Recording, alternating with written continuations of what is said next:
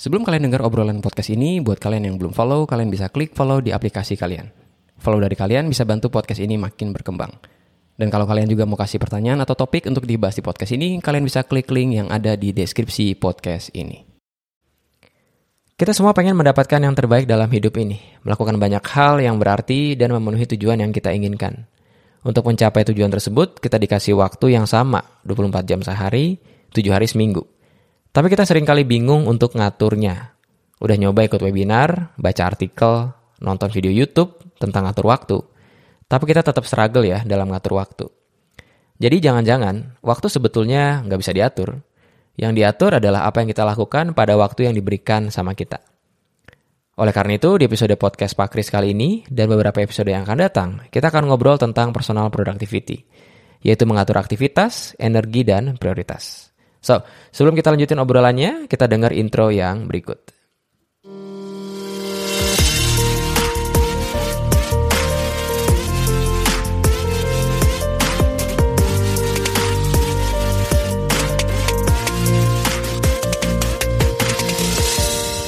Halo semua, itu tadi adalah lagu intro yang baru yang gue pilih. Semoga bikin satu hal yang baru ya dalam kalian dengerin podcast ini dan semoga kalian suka lagunya.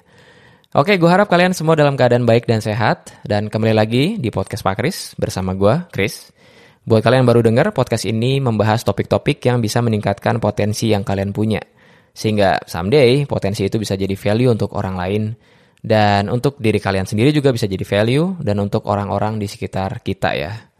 Podcast ini hadir tiap uh, hari tiap hari Kamis jam 7 pagi. Jadi ada episode mingguan yang akan available di player yang biasa kalian pakai, entah itu Spotify, Apple Podcast, atau boleh untuk kalian kunjungi websiteku ya. Dan as usual, sebelum masuk di topik bahasan kita, uh, ada beberapa pengumuman nih tentang podcast Pak Kris ini ya. Yang pertama, episode ini, thank God, udah nyampe episode 38, dan kita masuk di bulan yang baru, yaitu bulan Juni 2022. Artinya podcast Pak Kris akan bahas tema yang baru. Nah, setelah bulan lalu kita bahas tentang public speaking di bulan uh, di bulan lalu ya, di bulan Mei. Di bulan Juni dan, dan Juli ini, jadi temanya sekarang dua bulan ya teman-teman, kita akan bahas personal productivity, yaitu ngatur aktivitas, energi, dan prioritas. Itu pengumuman yang pertama ya. Yang kedua, setelah rutin bikin podcast mingguan dalam beberapa bulan belakangan ini, gue lagi meningkatkan proses uh, workflow ya dari pro, dari podcast ini. Salah satunya adalah gue lagi rencanain uh, bikin tema bulanan dan judul episodenya itu lebih awal ya. Jadi akan di-announce mungkin beberapa hari sebelum bulan yang baru. Mungkin kalian udah lihat ya di Instagramku dan kalau yang belum follow silahkan follow. Nanti kalian akan mendapatkan update uh, bulan depan bakal ngomongin apa, kemudian episodenya tuh apa aja. Yang pasti bakal hadir di player kalian itu hari Kamis uh, sebelum jam 7 pagi ya. Jadi ya ini cara gue untuk meningkatkan uh, value yang bisa gue berikan di podcast ini. Jadi kalian bisa ngelihat, oh bulan depan temanya ini. Kalau temanya kurang relevan buat kalian atau kurang relate, ya kalian boleh skip ya sepanjang bulan itu mungkin ya. Karena ya uh, podcast ini masih temanya cukup umum ya. Intinya ngomongin soal self development dan juga topik-topik yang bisa meningkatkan potensi yang kalian punya. Kemudian pengumuman yang ketiga, gue membuka kelas dan coaching private tentang personal productivity ini, mengatur aktivitas, energi, dan prioritas. Kelas dan coaching ini cuma dibuka untuk 1-3 orang doang dalam satu rombongan, atau kalian bisa ya daftarin dengan teman-teman kalian juga dengan harga yang spesial. Kelas dan coaching ini dilakukan selama satu bulan.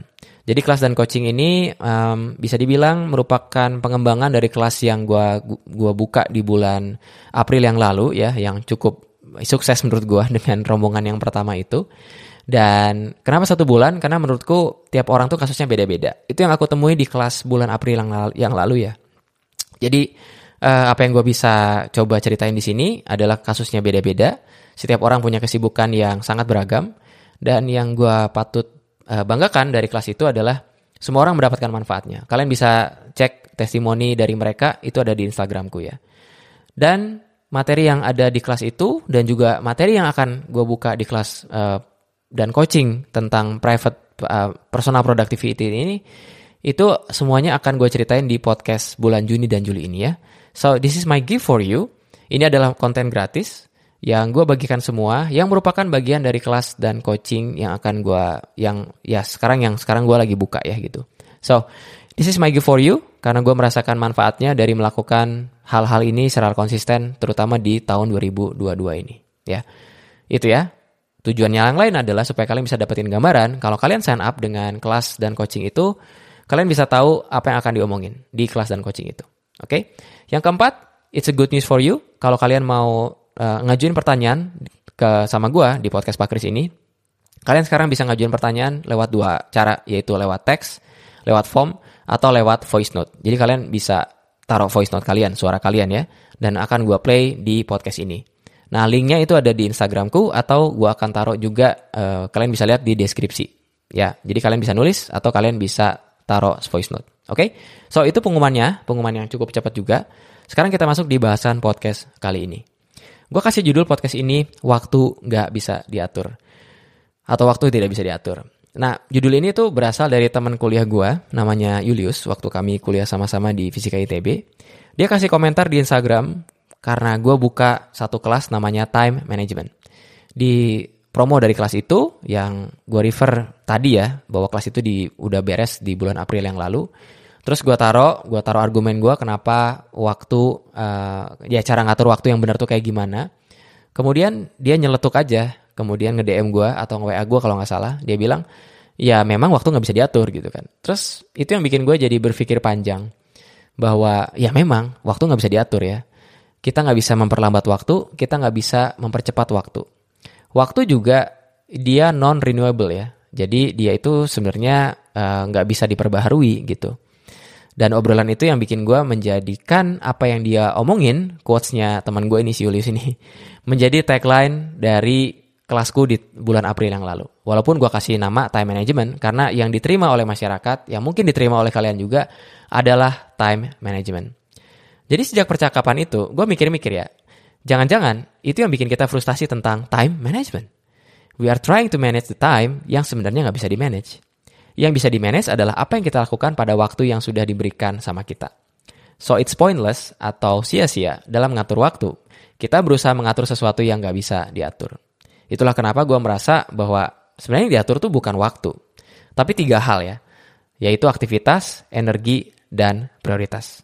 Dan perasaan itu juga, ya dugaan gue, itu akhirnya terkonfirmasi oleh beberapa buku yang gue baca. Ada dua buku nih ya, yang gue baca yang kayaknya memperkuat apa yang gue pikirin tentang ngatur waktu dalam tanda kutip. Buku yang pertama judulnya adalah Manage Your Energy, Not Your Time, dari Tony Schwartz. Dan buku yang kedua, yang menurut gue buku terbaik di topik ini, yang judulnya At Your Best, dari Carrie Newhoff. Judul tepatnya bisa kalian lihat di show notes atau deskripsi dari podcast ini, kalau kalian mau baca sendiri. Nah sekarang kita bahas apa yang harusnya kita atur ya. Dan ada tiga hal.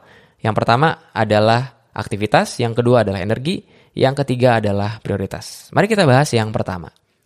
Yang pertama nih, kita ngatur aktivitas yang kita lakukan pada suatu jangka waktu yang diberikan sama kita. Dan aktivitas ini macam-macam. Mulai dari aktivitas yang paling penting sampai aktivitas yang kurang penting bahkan nggak penting ya. Cuma masalahnya adalah kita sebenarnya tahu nih aktivitas kunci apa atau aktivitas inti apa yang harus kita lakukan dalam mayoritas waktu yang diberikan sama kita. Kita sebenarnya tahu. Cuma kadang karena kita nggak diingetin, kita nggak punya komunitas untuk ngingetin, kita nggak punya orang lain untuk ngingetin kita, kita jadi slip up, kita jadi terpleset gitu kan. Contoh, buat gue aktivitas kunci dalam kehidupan gue itu kurang lebih uh, beberapa aktivitas ini ya. Yang pertama adalah ngajar, yang kedua itu adalah nyiapin ngajarnya, yang ketiga adalah bikin konten kayak gini, bikin konten podcast, microblog dan sebagainya. Karena itu jadi outlet dari apa yang gue pikirin dan kegundahan hati gue untuk gue berikan sama orang-orang di luar sana lewat Instagram, sosial media, Spotify dan sebagainya. Kemudian waktu bersama dengan keluarga. Itu adalah aktivitas kunci yang menurut gue bisa memajukan kehidupan gue. Dan ke, kalau gue tanya sama kalian, apakah kalian tahu aktivitas kunci apa yang harusnya kalian lakukan? Gue yakin sebenarnya kalian tahu ya. Entah itu beresin tugas akhir misalnya kalau kalian di semester akhir kuliah, entah itu baca buku supaya kalian makin cerdas, makin pinter, entah itu mikir strategis tentang bisnis kalian, entah itu olahraga. Anything that can move your life forward. Nah, exercise kayak gini tuh penting ya teman-teman ya. Kadang kita harus diingetin dan menurut gue kita harus baca atau kita harus diingetin tentang yang harus kita lakukan aktivitas kunci yang harus kita lakukan itu every single day, setiap hari. Dan truth be told, kalau kalian dengar podcast ini cukup lama, gue ceritain tentang Miracle Morning ya. Dan beberapa orang itu ya cukup uh, nyobain tentang Miracle Morning ini dan mereka sudah melewati beberapa hari bahkan belasan hari gitu kan. Ada juga yang sudah melebihi satu bulan. Dan mereka bilang bahwa Miracle Morning itu kasih dampak yang luar biasa sama mereka. Salah satunya adalah mereka bisa mengingatkan diri mereka apa yang penting dalam hidup mereka. What is the key activities that can move our life forward? Dan by the way, exercise itu yang gue buka pertama kali di kelas bulan April lalu nih tentang dalam tanda kutip time management yang sebenarnya manajem, uh, manajemen energi, uh, aktivitas dan juga prioritas. Dan kalau kalian ikut private coachingnya, itu gue akan kejar terus loh. Gue akan ngobrol sama kalian. Sebenarnya apa sih aktivitas kunci yang sebenarnya memajukan kehidupan kalian? Dan sebenarnya dari beberapa pengalaman gue coaching orang dan juga bawain materi seperti ini, ada banyak orang yang tahu sebenarnya harus ngelakuin apa, tapi mereka nggak mau berkorban. Mereka nggak mau ngambil keputusan yang sulit dalam hidup mereka. Ada beberapa orang yang gue tahu, salah satunya adalah teman deket gue, yang juga mau untuk uh, berkorban beberapa hal yang mungkin dia suka. Salah satunya dia harus tinggalin hobi ya, untuk mengejar satu hal yang penting dalam hidup dia. So, tolong jawab pertanyaan itu ya teman-teman ya. Kalau kalian mungkin lagi jogging, lagi di mobil, lagi di mana pun yang kalian nggak bisa berhenti, tolong jawab pertanyaan itu. Tapi kalau kalian lagi nyantai, ada baiknya untuk kalian ngambil handphone, ngambil catatan, coba tulisin aktivitas kunci apa yang bisa membuat hidup kalian maju. So, that's the first one ya. Kita ngatur aktivitas pada waktu yang diberikan sama kita. Kita nggak bisa ngatur waktunya, tapi kita bisa ngatur aktivitasnya. Poin kedua yang kita atur adalah energi. Waktu itu sifatnya non-renewable. Nggak bisa diperbaharui. Sekali lewat, ya lewat. Oleh karena itu, it's a pointless sebenarnya untuk ngatur waktu. Tapi di sisi lain, energi yang kita punya, baik itu energi fisik maupun mental, itu dapat diperbaharui. Artinya, kalau kita lelah, baik itu fisik atau mental, ya kita tinggal atur, kita tinggal aturkan istirahatnya. Sorry belibet ya teman-teman. Nah yang menarik juga, ini yang gue baca dari bukunya At Your Best, dan gue terapkan sama peserta kelas di bulan April yang lalu ya. Bahwa Podcast Pak Kris akan kembali setelah promo yang berikut. Buat kalian yang ingin meningkatkan produktivitas tapi bingung mau mulai dari mana, Podcast Pak Kris menawarkan tiga kelas online, Kickstart Your Productivity. Tiga kelas itu adalah Berhenti Menunda, Melatih Fokus, dan Plan Your Perfect Week. Kelas ini berbasis video yang bisa kalian pelajari kapan pun. Di kelas ini juga ada exercise-nya di mana kalian bisa isi worksheet atau lembar kerja, sehingga bisa menerapkan tips-tipsnya ke kehidupan kalian. Nah, kalian bisa beli secara terpisah seharga 79.000 per kelas atau langsung beli bundling dengan harga 199.000. Untuk pendengar podcast ini secara khusus akan mendapatkan 20% diskon dengan memasukkan kode podcast Pakris. Untuk informasinya, kalian bisa klik link yang ada di deskripsi dari podcast ini. Sekarang kita lanjutin obrolan kita di podcast Pakris.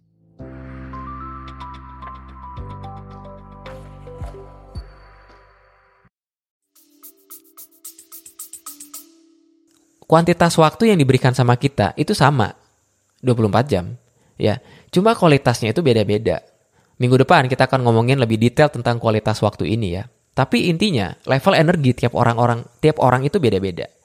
Gue misalnya gue ini morning person. Buat kalian yang tahu gue gue ini morning person banget. Hampir tiap hari sejak Januari 2022 gue hampir tiap hari bangun jam 4.20 jam 4.25 atau jam 4.30 Begitu bangun, ini ritual gue ya. Gue ke toilet, bikin kopi, terus saat teduh atau baca renungan, kemudian gue mulai kerja. Gue kerja sampai sekitar pukul 6. Kalau gue harus ke kampus untuk ngajar ya gue ngajar dan ngajar gue juga cukup oke okay kalau pagi-pagi ya. Tapi setelah itu kurang lebih jam 10 gitu ya. Kurang lebih jam ya sampai sekitar jam 1 itu mulai level konsentrasi gue menurun. Tidak sebaik ketika pagi-pagi. Oleh karena itu gue naro rapat, gue naro koreksian, gue naro hal-hal yang sebenarnya gak butuh gue mikir terlalu dalam. Itu di jam sekitar jam 10 sampai jam 1 siang. So that's my plan for the day mostly gitu kan. Kemudian uh, eh, gue mulai konsentrasi lagi nih atau level energi gue tuh naik lagi sekitar jam 2 siang. Sekitar jam 2 siang, kemudian masuk ke jam 3 sore, jam 4 gitu kan. Lalu biasanya gue berhenti di jam 4 kalau lagi work from home, ya maka gue ngabisin waktu bersama dengan keluarga, mulai dari jam 4 sampai jam 7. Di atas jam 7, gue biasanya ngelakuin side hustle ini atau side business ini. Gue ngembangin kelas, kemudian gue coaching calls juga, kemudian gue lagi mencoba uh, nulis juga uh, lebih rutin lagi di microblog gitu kan. Nah itu yang gue lakukan karena di jam 7 itu gue punya level energi yang semakin ya bisa dibilang mungkin nggak sebaik yang pagi-pagi ya, tapi lumayan lah untuk gue bisa konsentrasi dan melakukan deep work. Apa itu deep work nanti akan kita diskusikan di beberapa minggu yang akan datang ya. Dan biar kalau kalian pengen tahu jadwalnya, kalian bisa lihat di Instagramku eh, atau uh, mungkin nanti akan ada juga informasi di website ya. So itu adalah level energi yang gue punya. Gue yakin kalian juga punya, cuma beda-beda. Dan banyak orang yang gak nyadar bahwa sebenarnya ada banyak waktu optimal dalam hidup dia yang dia lewatkan gitu kan. Sebagai contoh, kalau gue misalnya uh, yang tadi gue bilang ketika pagi-pagi gue punya waktu yang lebih oke okay di pagi-pagi. Tapi kalau gue pakai buat nonton, gue pakai buat medsosan gitu kan. Itu kan jadi terbuang sia-sia, ya nggak? Bukan waktunya yang terbuang karena sebenarnya waktu berjalan terus kan. Yang terbuang sia-sia adalah level energinya. Makanya penting banget untuk teman-teman menguasai level energi teman-teman. Pertanyaannya adalah, kapan sih teman-teman merasakan 100% dalam your peak performance, dalam keadaan yang prima, baik fisik maupun mental, ya? Dan ini yang yang tiap orang tuh beda-beda. Ada yang bagus di pagi hari, ada yang di siang, ada yang di sore, ada yang malam-malam. Ada yang lebih mood lagi kalau hujan. Contohnya gue ya, kalau misalnya pagi hujan, itu enak banget sih. Walaupun dingin gitu kan. Gue tinggal bikin kopi, kemudian gue konsentrasi dengan pekerjaan gue. I love that moment. Sore hujan, gue juga seneng. Malam hujan, sepanjang itu gue lagi gua nggak lagi di luar. Kalau lagi di rumah, kemudian gue lagi ngerjain sesuatu yang bener-bener ngeflow, itu bikin gue jadi semangat. So, pertanyaannya adalah buat teman-teman, kapan sih level energi teman-teman itu lagi dalam level yang prima? Nah, kalau teman-teman udah tahu, sekarang caranya adalah Aktivitas yang tadi, yang tadi gue ceritain di poin yang pertama nih ya, tentang aktivitas kunci yang harus teman-teman lakukan, itu teman-teman taruh di zona waktu hijau ini. Paham nggak? Misal, kalau aktivitas kuncinya teman-teman mungkin adalah bikin tugas akhir atau belajar, dan teman-teman tahu kalau pagi-pagi atau subuh-subuh itu teman-teman berada dalam level energi yang tertinggi, maka teman-teman harus taruh di situ. Jangan taruh drama Korea di situ, jangan taruh medsosan di situ, jangan taruh aktivitas yang sebenarnya nggak terlalu butuh konsentrasi besar di situ.